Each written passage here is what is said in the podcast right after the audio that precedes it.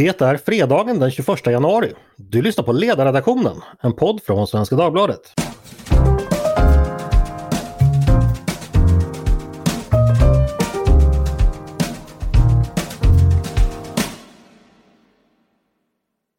Januarisolens späda ljus skickar citrongula små facklor ut över snön och det är dags för ännu en fredagspodd med Svenska Dagbladets ledarredaktion.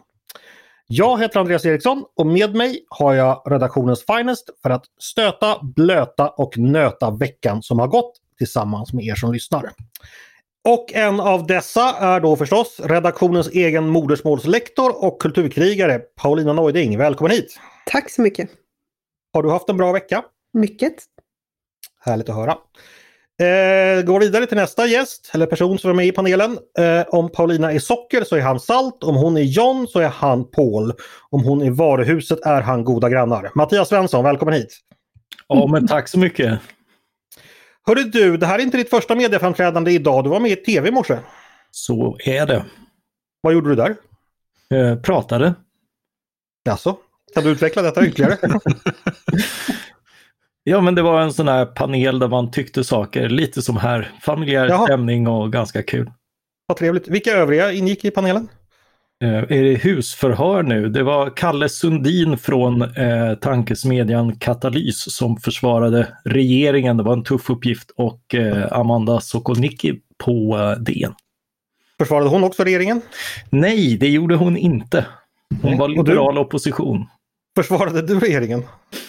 Eh, nej, det eh, lämnade jag åt andra. Okay. Det låter trevligt. Eh, få tipsa eh, lyssnarna om att slå in detta. Eh, man vet att Mattias har varit i tv för morgonen nämligen när han dyker upp på morgonmötet i, i finkostymen. Ja, och sen har vi också med oss direkt från Fyris slätt vår chef Tove Livendal. Välkommen hit! Tack så mycket! Har du haft en härlig vinterdag? Ja, men det har jag faktiskt. Jag var, passade på att vara ute och faktiskt tog en liten springtur nu och fick eh, hälsa på den sista lilla solen innan den försvann ner. Gud vad ambitiöst. Mm. Härligt. Sist men inte minst, eh, vår stora stjärna just nu, mannen som i sin murvelgärning eh, för tillfället gräver djupare än skoltwitter gräver sina skyttegravar, nämligen Peter Wennblad. Välkommen hit! Ja, tack, tack! Du, det är gott att ha dig med efter de här ofredsvarningarna vi har, som har rått över Gotland, men eh, allt är lugnt med dig för tillfället. Ja, jag, jag, håller, jag håller ställningarna i, i Visby hamn. Mm. Och de svenska förbanden, har de skött sig? Eh, det, det, verkar så eftersom vi inte ockuperar det ännu. Så att... mm, precis. Vad skönt. Eh, jag tänkte faktiskt att vi ska börja med dig Peter. Och mm. anledningen till dig, då ska jag faktiskt börja med att citera TTs veteranreporter Ove Nilsson. Han twittrade så här igår. Eh, det är inte något gott betyg för oss murvlar att en ledarskribent är den som tar fram sånt vi borde ha tagit fram. Men bra jobbat Peter Wemblad! Och då ska jag säga så, när jag säger veteranreporter, då menar jag det. Alltså Ove Nilsson han har alltså bevakat svensk politik sedan planhushållningsdebattens dagar. Alltså, somliga säger att det finns träsnitt som visar hur han bevakar undertecknandet av freden i, Stolbo. Va?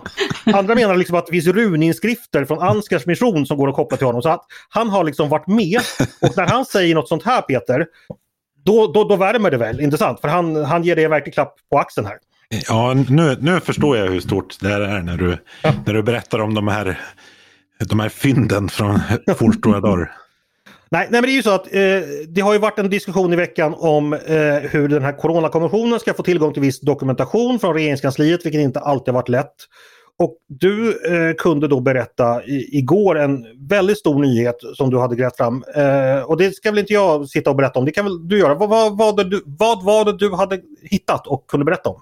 Ja, jag kanske egentligen ska börja tidigare i veckan, för det började ju tidigare i veckan med att jag kunde berätta om den här statssekreterargruppen som har lett regeringskansliets arbete under pandemin, liksom krisarbetet. Mm. Hur många möten de hade haft och att det var 149 möten som var helt odokumenterade. Vi In, ju... Inte en rad fanns påstås Precis. Mm. Där poddade vi och diskuterade vi i podden eh, häromdagen. Mm. Det. Eh, men det visade sig att det var inte riktigt sant. Utan jag fick nys om att det fanns massa dokumentation på, eh, eh, på regeringskansliet. Som borde kunna ge Coronakommissionen en betydligt bättre bild av hur den svenska pandemistrategin växte fram och eh, beslutades. Och mm. fick även se en del av de här handlingarna och om detta skrev jag en artikel. Mm. För det var ju så att det här hade ju inte kommissionen tillgång till för de hade inte bett om det för att de visste helt enkelt inte att det fanns och då är det ju svårt att be om saker helt enkelt. Precis. Eh, sen kan man ju tycka att det är en... Att det kan, regeringskansliet kanske borde haft inställningen att så här, den dokumentation som vi har, den lämnar vi över och så kan Coronakommissionen få avgöra vilken den är i behov av. inte att Coronakommissionen ska känna till exakt vilka handlingar som finns i förväg. Just. Eh, och när du säger fick nys om så var det ju så att eh, du helt enkelt hade en källa som berättade detta för dig. Ja, jag blev eh, kontaktad av en person med god insyn i regeringskansliet och i reg regeringskansliets dokumenthanteringssystem. Eh, mm. Och som då kunde berätta om både innehållet i, i den här dokumentationen och hur mycket det fanns. Och, mm. och så. Och, och, det här är en jättestor grej. Jag kan berätta att exempelvis eh, Dagens Nyheters reporter Mikael Holmström han jämförde det här med när han kunde avslöja de här uh, så kallade tsunamibanden 2006 då, som befann sig på regeringskansliet. Eh, och det har skrivits, eh, ja, alla tidningar har då rapporterat vidare om detta. Eh, vad har hänt vidare? Har, har, har det här inneburit några förändringar för hur kommissionen och vilken tillgång de har till material? Vad har hänt där? Ja, jag vet att Coronakommissionen var ju på regeringskansliet idag eh, och eh, skulle, ja, skulle träffa representanter för regeringskansliet. Och jag vet inte, men jag antar att de nu med kännedom om de här dokumentens existens kommer be att få ta del av dem. Och jag fick ju även själv ett... Jag jagade ju regeringskansliet igår hela dagen för att få bekräftat att de här dokumenten fanns. Eh, de vägrade ju svara på det. Eh, men jag visste ju då på annat sätt att de fanns. Så att jag skrev det ju ändå. Men nu på morgonen så återkommer regeringskansliet och medgav faktiskt att, att de fanns. Mm. Och att kommissionen skulle få dem med. Ja. För här ska vi bara komma ihåg lite finlir. Eh, det här är ju det, en kommission får tillgång till när man utför det här arbetet. Det ska ju då inte likställas med det, det som är allmänna handlingar som journalister och allmänhet kan ta del av. Utan en kommission ska ju ha så att säga, tillgång till den dokumentationen som behövs. Så behöver ju inte då förhållas. Alltså det, det, är olika saker. Det kanske är viktigt att vi påpekar detta för lyssnarna ja, så att alla förstår. Ja, men precis. Alltså, om, jag, eh, om jag utifrån min kunskap hade hört av mig till regeringskansliet och begärt ut de här handlingarna, då hade de ju bara sagt tvärnej. Mm. Eh, därför att de är inte offentliga. Nej, men, de, de, de är inte allmänna. Nej, men precis som du säger, den här kommissionen har då fått en... Det har skrivits, den har liksom getts ett särskilt mandat att ta del av även vad säger, interna dokument på, på regeringskansliet. Mm. Eh, nu ska jag be dig spekulera. Varför tror du att regeringskansliet inte har velat eller så här, har man inte velat dela med sig av det här aktivt och vad beror det i så fall på? Det är en otroligt eh, bra fråga. Eh, jag misstänker utifrån det lilla, liksom det jag har sett av innehållet. Att eh, det faktiskt är, det har ju varit mycket diskussion om den svenska strategin Alltså mm. vilken den var, hur den växte fram, när den egentligen beslutades och hur. Eh, och jag tror att den version som regeringen har, har haft utåt om hur det här gick till, den stämmer inte riktigt överens med det som finns i de här eh, dokumenten. Mm. Ja, det får vi se nu när kommissionen får ta del av detta helt enkelt. Eh, en sak här, vi nämnde ju det här med att det, det, var en källa som hjälpte dig. Och så där är det ju ofta i journalistik att det är ganska svårt för utomstående granskande personer som exempelvis journalister att veta vad man ska söka ifall man inte har den hjälpen. För att ja, så här, du hade ju inte själv kunnat fråga dig fram till det här på, på det sättet som du nu, nu kunde göra så att säga när du visste vad det handlade om. Nej men precis, så, så är det ju. Som journalist så kan du du kan liksom hitta fram till en låst dörr. Men sen är det någon som måste öppna den åt dig från insidan. Eh, jag har ju sett idag att det har varit mycket ja, med kritik mot de traditionella medierna och varför har inte ni eh, liksom grävt fram det här? Eh, och det handlar inte bara om grävande eh, utan du måste också ha kontakter. Du måste ha någon som, som ger dem till dig. Du, du har inte möjligheten att på egen hand hitta den här typen av eh, material. Man, som sagt, man kan, man kan liksom ta reda på att de finns men inte vad som finns i dem. Precis, och det här visar då källornas betydelse och i vissa skarpa fall då visselblåsarens betydelse. Att ibland då så man känner att man är i en verksamhet där någonting helt enkelt behöver uppmärksammas. Då kan det ju vara väldigt bra att folk... Ja, väldigt många historier som vi idag känner från liksom historien hade inte kommit fram ifall det inte hade varit just personer som hade haft, har en förkunskap och sen aktivt försöker, som den här personen eh, i det här fallet, som bidrar till detta. Absolut. Så var det i det här fallet, så var det även i höst. Jag skrev ju i slutet på sommaren en, om en rapport om Cementa som regeringskansliet hade försökt att mörka. Och det var ju samma sak där. Det var ju information som jag fick vad säger, mm. inifrån. Ehm, och det är ju så det funkar i det offentliga. Ehm, att du har meddelarfrihet, du får höra av dig till, till till medierna och oavsett om du jobbar i det offentliga eller det privata så ska ju alla veta att hör man av sig till en, en journalist så är det liksom garanterad anonymitet och eh, källskydd. Alltså den här personen, de här källorna som jag haft i det här fallet, jag skulle ju liksom inte under tortyr berätta vilka mm. de är. För i så fall skulle du helt enkelt få fängelse? Jag skulle bryta mot lagen, stämmer bra. Mm. Och, eh, så det, det är väldigt hårt. Och dessutom är det så att Eh, alltså generellt kan man säga att man kanske är orolig så här, är det en story jag sitter på, är det viktigt så att ja det behöver man kanske inte avgöra själv. Det, det, kan man ju tryggt vända sig till en journalist som då professionellt säger att ja men det här är någonting, det är en story, det, det kan vi gå vidare med och då kan man ju känna sig trygg med att då har man så här, tagit den till en expert så att säga. Så så är det. Eh, framför fler visselblåsare, det är en viktig uppgift i, i i vår demokrati. Eh, Tove, mm. eh, vad betyder Peters avslöjande för eh, regeringen tror du? Ja, det återstår att se. Jag eh, kommer att följa upp det här också en text i helgen, men eh, vi, är, vi, har, vi har ju tyvärr varit inne i en tid när politiken har i allt mindre utsträckning, eller de styrande politikerna i allt mindre utsträckning, tycker jag, tagit tillräckligt ansvar för vård av de institutioner som de sköter. Och jag tror ju att även om det inte har något kortsiktigt pris, det är, ibland så får någon avgå eh, därför att man känner att nu krävs det, nu krävs det någon, nu är opinionen så, så ilsk att man behöver signalera att man tar det på allvar och så gör man någonting och då kan en Anders Ygeman få gå för att komma igen lite senare. Ehm, men så den kortsiktiga hanteringen får vi väl se. Jag tänker att det vore märkligt att det inte leder till någonting, men den långsiktiga frätandet på tilltron till politiken och vad som händer med människor som styr och har ansvar, det, den tycker jag är det, det är liksom det som är det allvarliga. Men eh, jag tänker att nu behöver det ju bli ja, kommissionen ska ju få göra sitt jobb och jag hoppas nu att de eh, är tydliga på vilken typ av tidsrymd de behöver.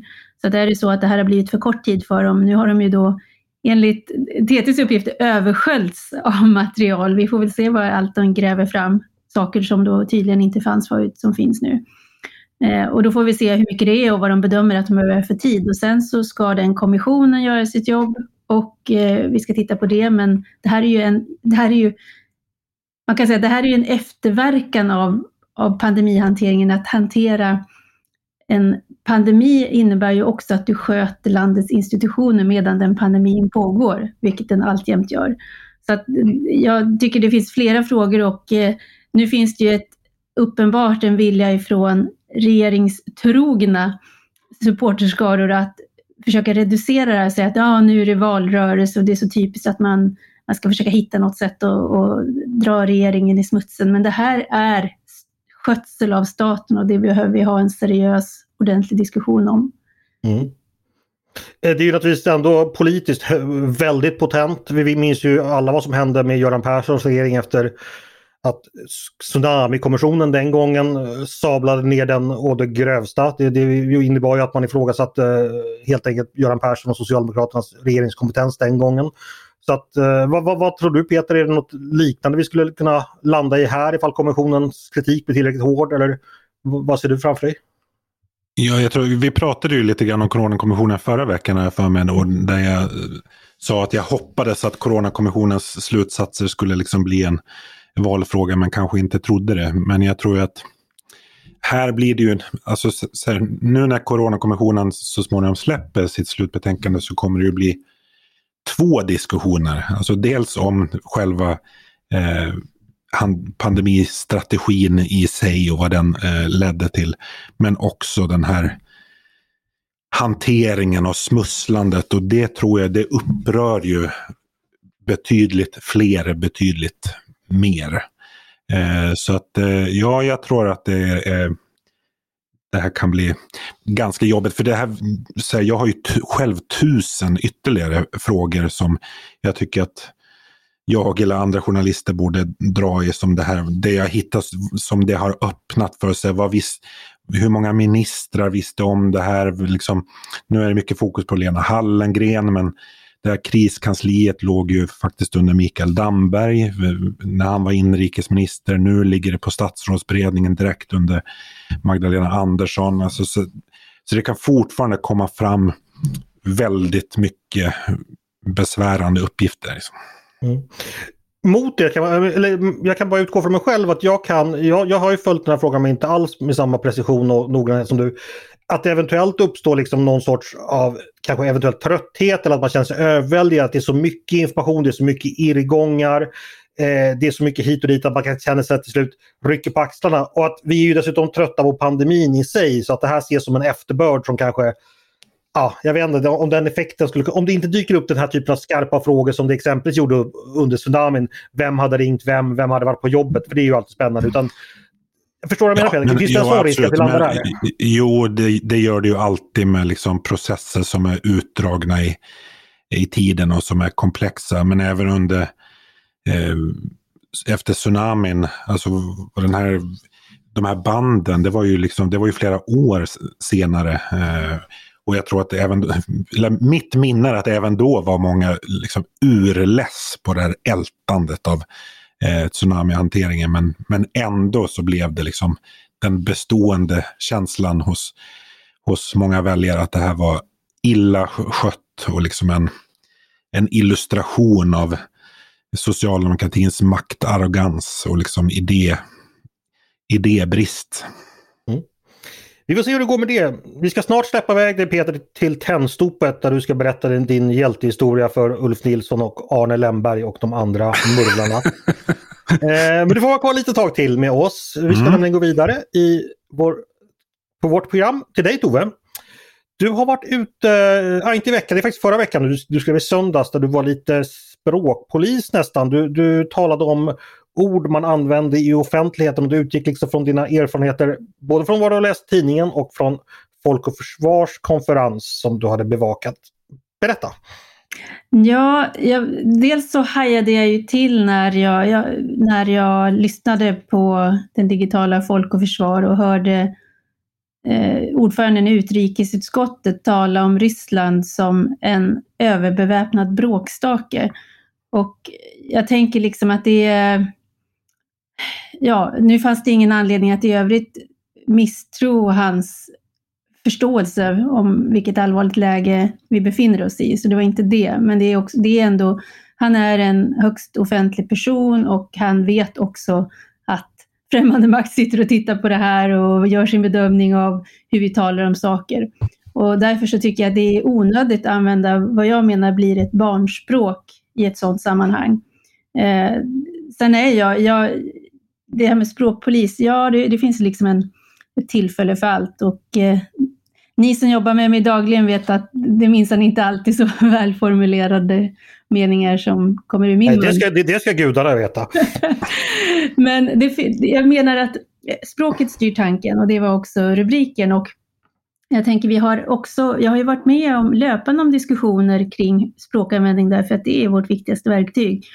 Och det slog mig då att vi, vi har ofta kritiska diskussioner när någon uppfattas ta till för mycket, använda överord, eh, men sällan åt det andra hållet. Eller jag har nog inte varit med om det, med undantag då för när Maud Olofsson talade om Hitlers tokigheter och det fick hon ju med rätta eh, smäll på fingrarna för eh, och mm. hård kritik. Eh, men, eh, men annars, jag minns Per Gudmundsson, han skrev om no-go-zoner.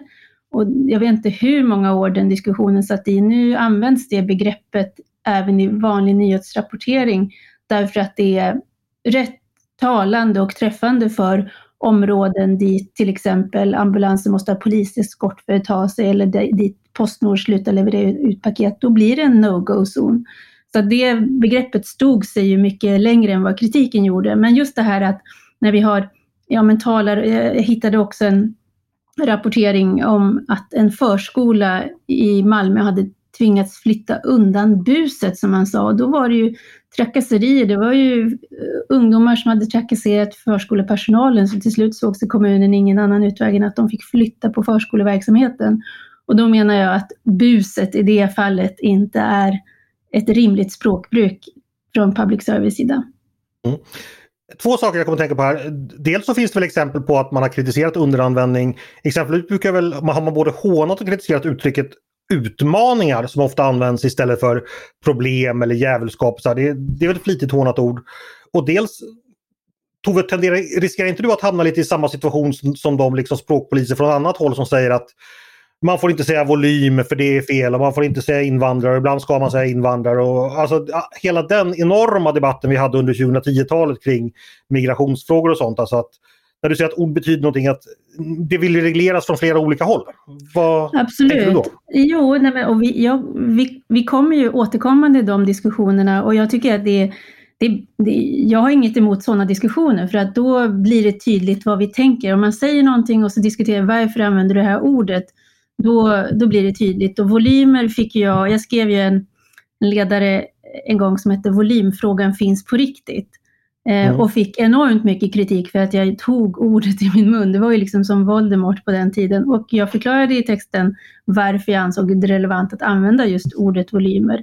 Eh, så jag tycker att man kan använda vilka ord man vill, men man ska vara medveten om varför man gör det. Och jag tror inte att att eh, ordförande i utrikesutskottet egentligen i efterhand skulle kunna ha sagt att det var ett rimligt ordval och reducera Ryssland till en bråkstake.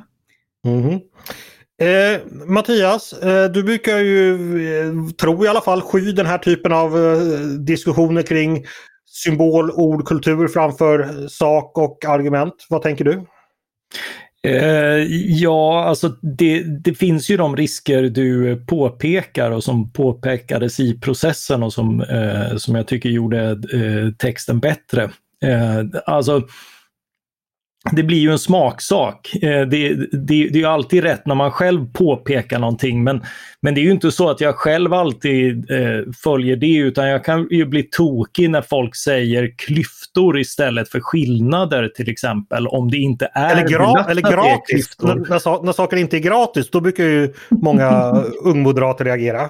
ja exakt. Så, så, jag menar all, alla har ju det här i sig och det är ju i grund, alltså under och ganska snart när man just tar upp debatten så blir det ju en politisk diskussion kring vad man menar och som förhoppningsvis gör oss klokare. Eh, och, eh, och då ser jag inga problem med att att diskutera termer och sen är det ju precis som du säger, det finns både över och underdrifter. Det var, det var någon extremt överspänd debatt om IS vid något tillfälle, att man, man var liksom en förrädare om man inte sa liksom dödsmördar, terror, sekten IS. Mm. Eh, för det skulle verkligen lära dem en läxa. Så, så det, kan, det, det, kan ju göras olidligt när, när en terminologi kapas, men just därför är det ju viktigt att bryta röster mot varandra så att vi, eh, så att, så att vi får pejl på problemen och sen kan börja göra något åt dem. Just med IS så fanns det ju det här med att man ett tag så skulle man kalla dem för Daesh, för att det tycker inte IS om och IS blir arga om man mm. säger Daesh. Det, liksom, det, det, finns väldigt mycket fånigheter. Är det bara jag som säger Isis fortfarande? Är det helt ute? Mm. jag tror det är ensam. Isil ja, heter de väl också?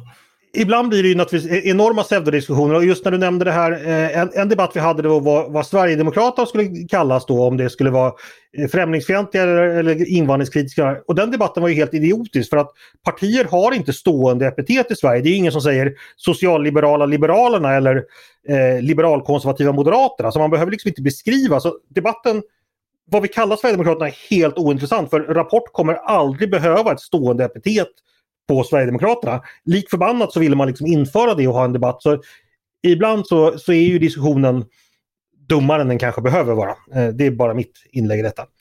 Eh, Peter, din, din, din, du är ju språkkonstnär och akrobat av stora mått. Vad, vad tänker du om det vi säger?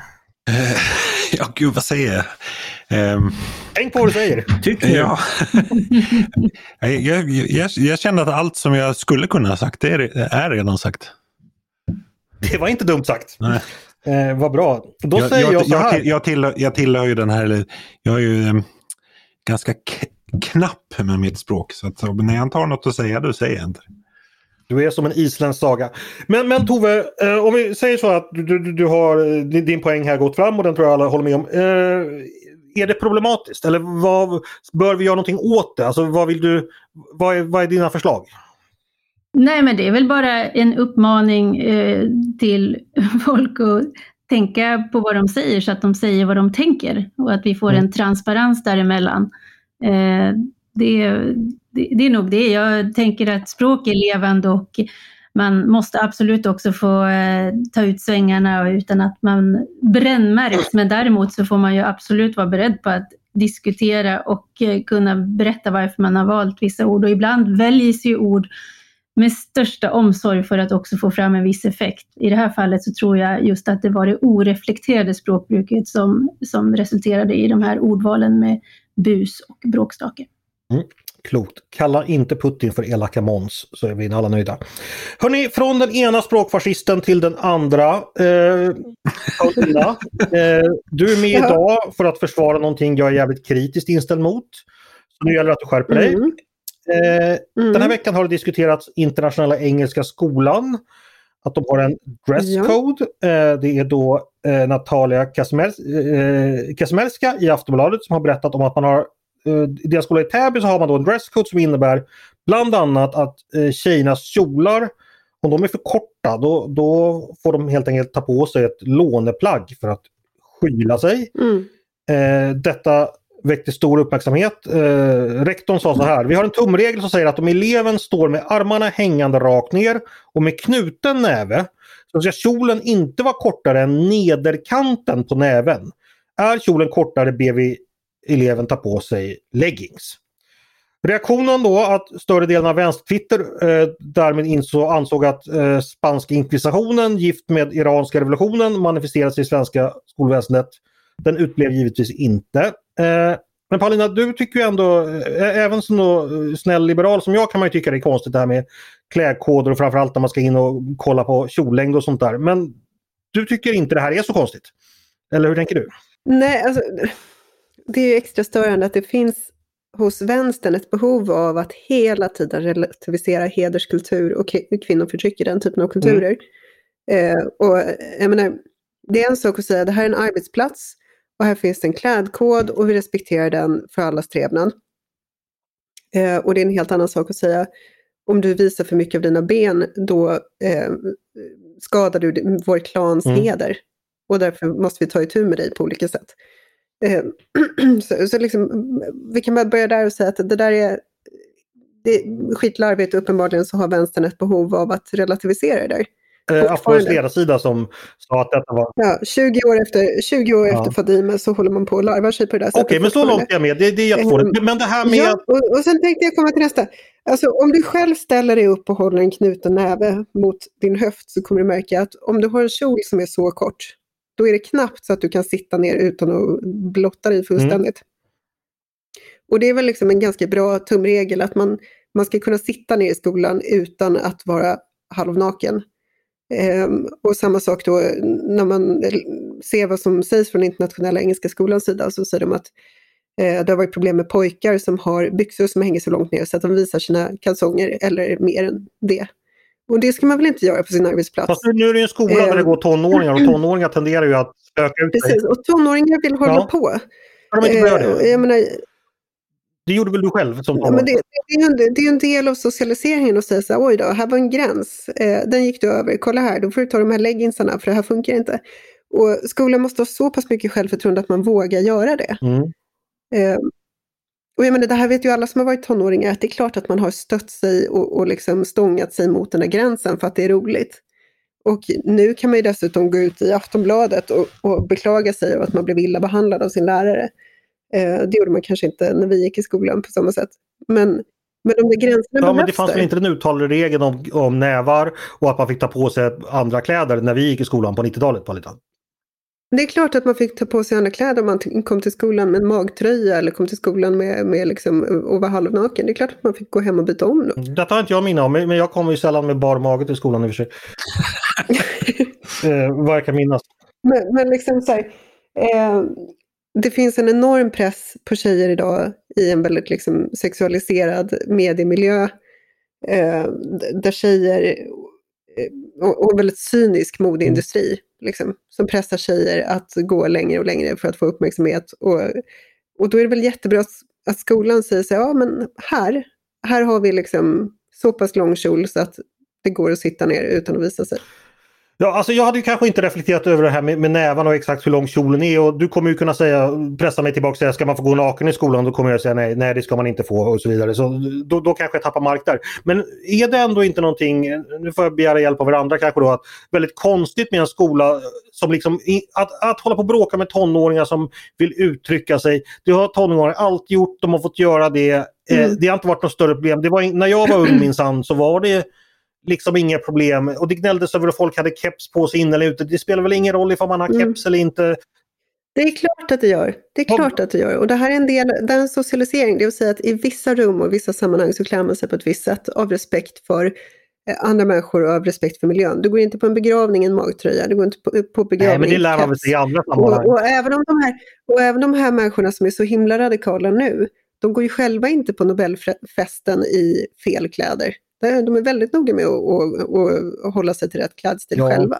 Så att, och det här är något som man behöver lära sig. Hur, var går gränserna? Hur ska man klä sig? Hur ska man inte klä mm. sig? Men åt andra hållet då så har väl du antar jag gränser också? Man börjar mena då att det skulle vara okyskt av kvinnor att eh, exempelvis visa håret eller visa ben eller hud. Då skulle du protestera mot den typen av klädkod också. Intressant.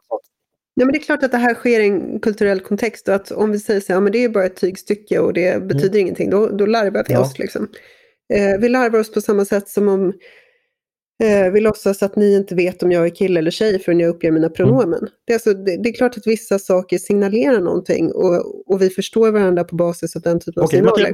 Och sen kan, vi, sen kan vi få oss och låtsas att de signalerna inte finns och göra oss dumma. Mattias, du har hört Paulina, håller du med henne vad hon säger? Hen säger? Alltså jag, jag, jag, förstår ju poängerna och, och eh, väldigt mycket handlar ju om hur man gör det. Alltså jag, jag är ju för fritt kjolval eh, och eh, Exakt, äntligen en riktig liberal. Ja, men, men, det, men det är klart att, att, att jag menar tonåringar testar gränser och, och då är det ibland din uppgift från, från skolan att sätta dem. Så, så liksom Eh, det, det, det, finns ju, det finns ju gränser där också och, eh, och det finns liksom, du, du kan hålla på med policy och sådär. Det här verkar ju liksom lite, alltså när, när, knutna nävar kommer in så brukar det alltid bli liksom eh, lite partivibbar, eh, att, eh, att det blir liksom väldigt mycket fanatism och det, det har liksom eh, jag, jag, har ju bara andrahandsrapporteringen att gå på.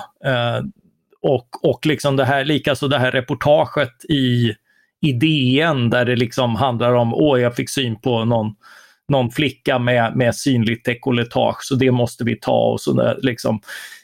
Det, jag, jag, jag får, jag, jag, tycker att det eh, är rätt dåliga vibbar. Jag, jag, blir inte sugen på att sätta mina barn i en skola med den typen av, av liksom, eh, syn på eh, på tonårstjejer. Men, men det är klart, det är, det är möjligt att, att det liksom är en, en situation som om jag var i den skulle varit helt annan.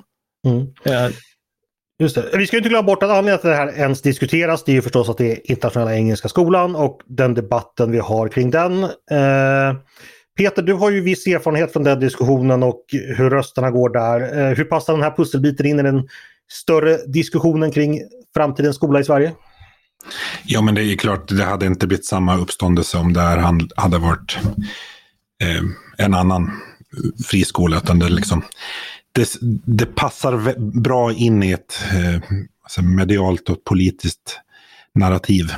Men annars så säger vi, vi för egen del, jag har faktiskt, precis som Paulina, fast kanske med lite andra motiv, svårt att se eh, problemet eh, med det här. Alltså, att en institution av något slag liksom sätter ett regelverk för vad som gäller hur man uppför sig i, inom de fyra väggarna. Jag tycker inte att det, det gör mig inte särskilt upprörd. Framförallt inte när det handlar om en, en skola som i det här fallet som alla som går där har valt eh, att gå där. Och då har man ju också säga, accepterat villkoren för att, för att gå. Fast det, det, är ju ofta föräldrarna som valt och det är liksom en, en rätt körig tillvaro. Vi vet ju alla liksom att skolor älskar att sätta upp en massa regler och sånt där som bara ska följas för att. Eh, och, och det är liksom en, en rätt Eh, förnedrande tillvaro och sådana regler kan användas just för, för att eh, trycka ner folk eller trycka ner varandra och sådär. Liksom. Så, så är, är, det, är det inte goda skäl och är det inte liksom av omtankemotiv eh, det handlar om utan, just liksom eh, regler är regler och sådär så, så, får, så får det ju en annan verkan. Det, det är det jag, jag kan tycka, alltså, alltså man, får, man får lite sådana vibbar av det här. Liksom att, eh, mm. Exakt vibbar. Paulina, är du nöjd? Har du vunnit diskussionen tycker du? Jag har ju inte fått komma in Andreas. Nej, okej, okay, ska du slå spiken i kistan då? Ja, berätta. Absolut. Ja, nej, nu... Se vem, som, vem har rätt. nu kommer det att väga över här. Paulina har helt rätt. Och dessutom så borde den här vara en... Ett, det borde inte bara vara någonting som bejakas där utan som man också såg som ett föredöme för andra skolor. Jag ska gå ett steg längre. Och det handlar om att förklara att det vi gör i skolan, det, och, och det, det, det, är liksom hela synen på vad skolan är. Om det är en förvaringsplats där man ska tvingas vara nio år eller om det är denna gemensamma investering av tid och arbete som ska vara den här språngbrädan som vi pratar om. Och då, då signalerar liksom allting de förväntningar man har. Eh, hur lärarna ser ut, beter sig, hur eleverna förväntas bete sig. Så jag tycker att den här diskussionen är jätteviktig och jag hoppas att den också tas på fler skolor. Eh, det vet jag att den gör, det finns både liksom kommunala och friskolor där den tas, men jag önskar att den fördes på alla skolor därför att det handlar om att förstå hur helheten, detaljerna gör helheten.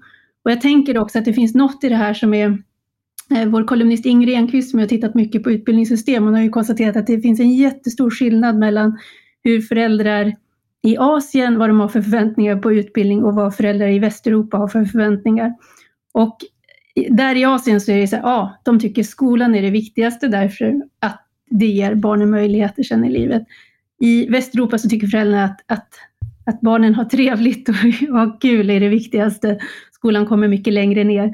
Och det behöver inte vara något fel, jag tror att balansen är bra. Skolan är inte alltid livet, men det är en ganska väsentlig byggsten i livet och då tänker jag att en sån förutsättning är att man också gör det till en, eh, man signalerar där att det arbete vi gör här är viktigt. Så att jag tycker det är, det är inte liksom den här, eh, för mig blir det inte en prussiluska-fråga, utan det blir en fråga om vad, vad för typ av verksamhet ska vi utsätta barnen för i nio år och vil, vad, vilka värderingar ska präglas av dem. Så att det är inte, jag tycker den här polisdiskussionen leder fel. Det är mer liksom vilken typ av eh, chans ska vi ge de här barnen?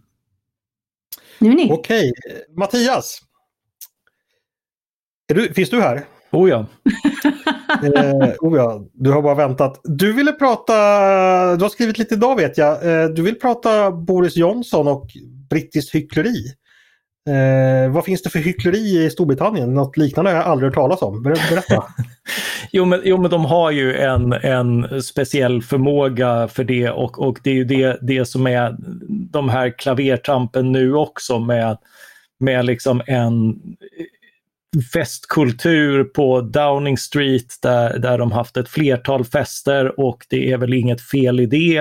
Uh, men uh, det har ju då skett samtidigt som man då infört extremt strikta regler för umgänge även utomhus och skickat poliser på vanligt folk. Och det finns eh, det är förstås lätt att, att, att liksom gotta sig åt liksom. och, och, och där medan så, så har de dansat och druckit och haft roligt Liksom.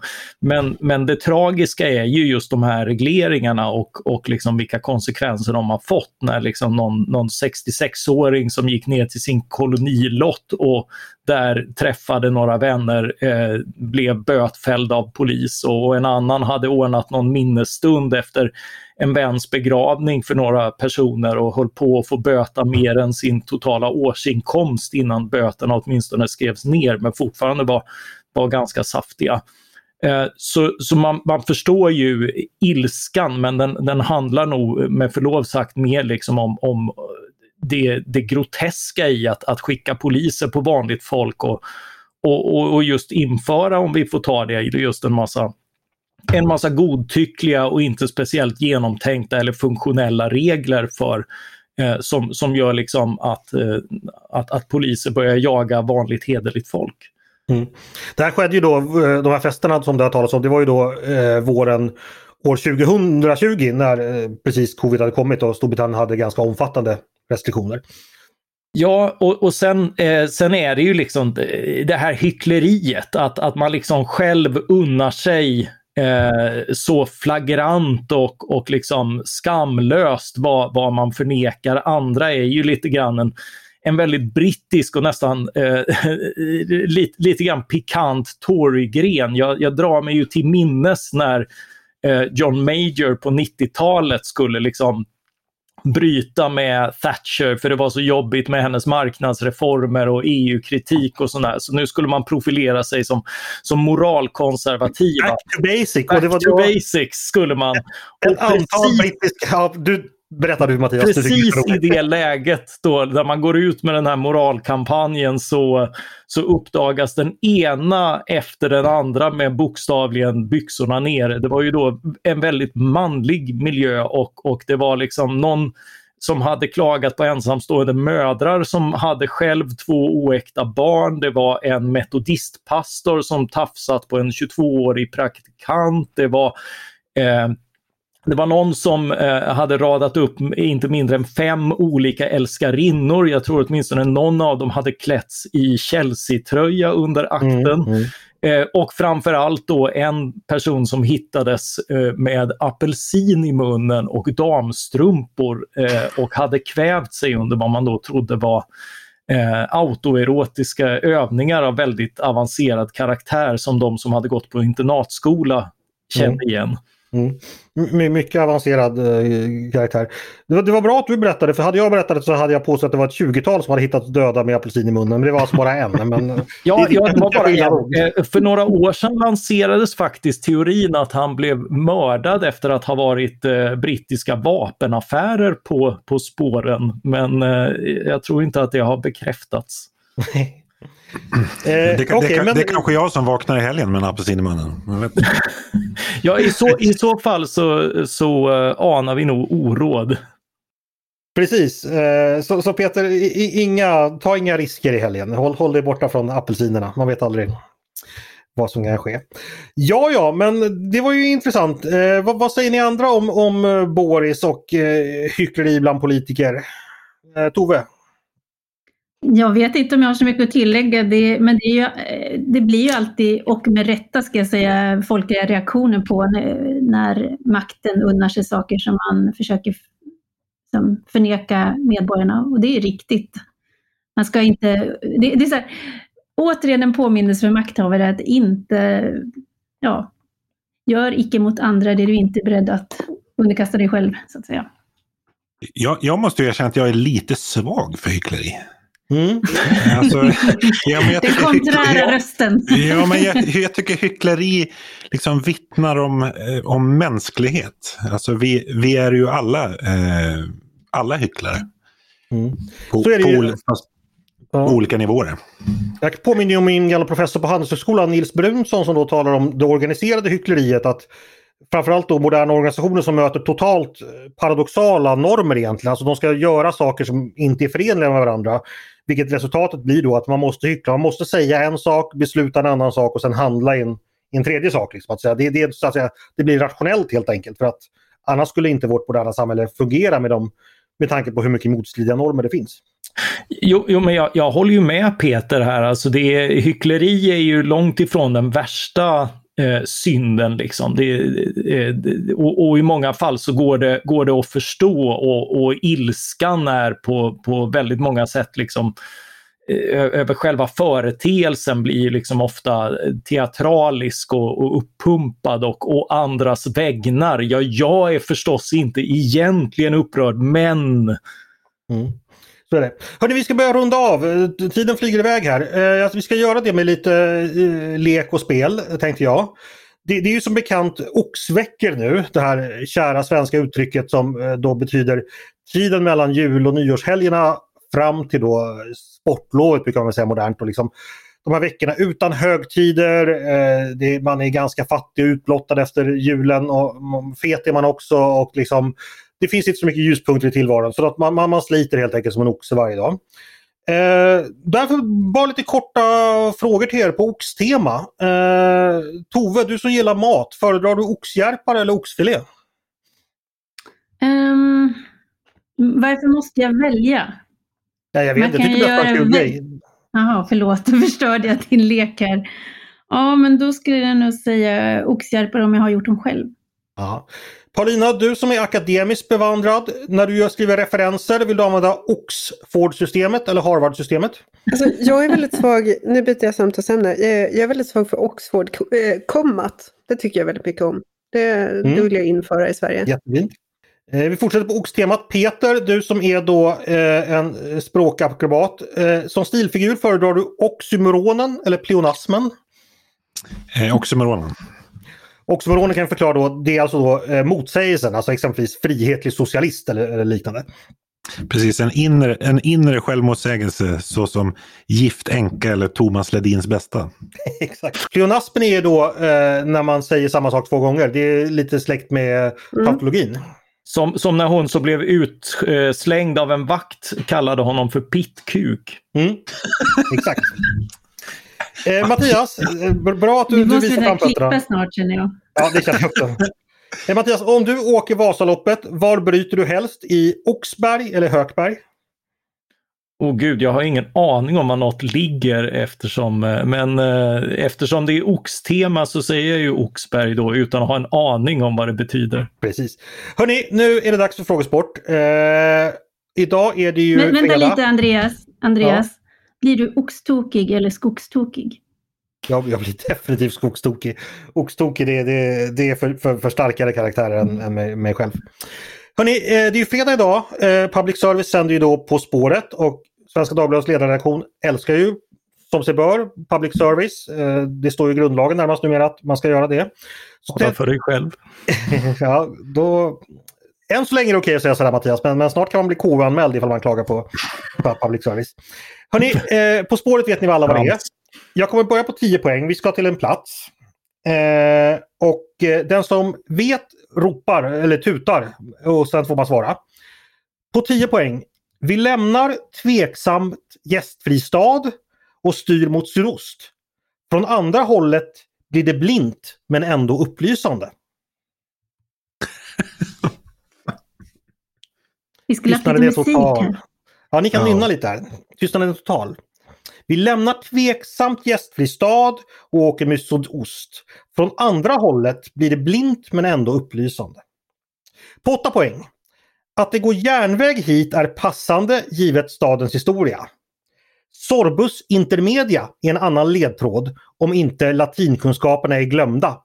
Eller ska vi säga gömda.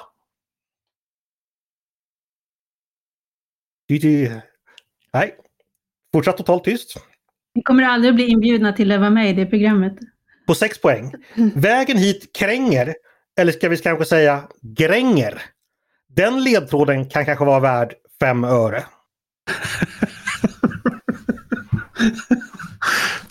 Peter, du, du, du som har sett varenda På spåret-program sedan 1987. Det här var tufft. Ja det, det, ja, det här bekräftar bara att jag alldeles... Det är liksom min stora skräck att få frågan om att vara med i På spåret. För jag vill så gärna, men är så rädd för att göra bort mig. På fyra poäng. Tänk nu järnhårt så kanske ni förstår att vi är på väg mot en sörmländsk kuststad. Utanför vakar som sagt Agaspisens uppfinnare. Är det? Ja, Peter! Eh, Oxelösund. Vi får se om det är sant. Vi åker vidare. Eh, dressinen svarar Oxelösund. Vi befinner oss alltså i speciella veckor. Börja med veckorna, lägg sedan till en ström, en ö och ett sund. Så är vi framme i Oxelösund. yes! Snyggt! Eh, Applåder! Ja. Vi ska väl gå igenom ledtråden då. Vi lämnar tveksamt gästfri stad. Det är ju då Nyköping där det en gång var ett gästabud som inte var så gästfritt. Eh, åker mot sydost som då Oxelösund ligger. Från andra hållet är det blint men ändå upplysande. Fyren Gustav Dahlén uppkallad efter den blinda uppfinnaren av själva fyren. Att det går järnväg hit är passande, Oxelösunds järnverk. Sorbus intermedia, det är oxel på latin. Om inte latinkunskaperna är glömda eller gömda. Gömda boken av Lisa Marklund utspelar sig i Oxelösund som bekant. Vägen hit Kränger, eller kanske Gränger. Gränges är kanske bekant, det stora bolaget här. Den ledtråden kan vara värd 5 öre. Femöresfortet, är det bekant? Nej. Nej. Okej, okay, eh, det var för svårt helt enkelt. Men ja. jag, jag, är helt övertygad om att majoriteten av våra lyssnare drog på 10 poäng. Tror inte ni det? Ja, men jag, jag, var faktiskt in, inne på Nyköping när du pratade om gästfriheter, men sen tappade jag bort mig i geografin. Var det en rolig lek eller ska vi klippa bort, klippa bort det här? Jag tycker absolut den ska vara med. Mm. Kör. Vad bra. Eh, stort grattis Peter, du har både avslöjat regeringen och tagit hem På spåret, blivit På spåret-mästare på redaktionen. Vilken vecka! Ja, vilken vecka. Det här var verkligen piken. Precis. Hörni, eh, då är det faktiskt dags att eh, önska varandra och eh, lyssnarna trevlig helg. Ni, har lyssnat, ni som har lyssnat då på mig och Paulina och andra, ni har lyssnat på Ledarredaktionen, en podd från Svenska Dagbladet. Varmt välkomna att höra av er till redaktionen med tankar och synpunkter på det vi har diskuterat. Eller om ni vill dra på 10 poäng, det är lite för sent, men inför nästa vecka kan man då mejla ledarsidan snabel svd.se. Hör gärna av er med förslag och idéer på saker vi ska ta upp i framtiden. Stort tack för idag! Eh, han som producent idag, han heter Jesper Sandström. Själv heter jag Andreas Eriksson. Och även denna dag trilskas vårt inspelningsverktyg, så redaktör Eriksson blev klippt i sin avslutsmening. Därför är det nyssnämnde producenten Jesper Sandström som önskar trevlig helg. Hej då!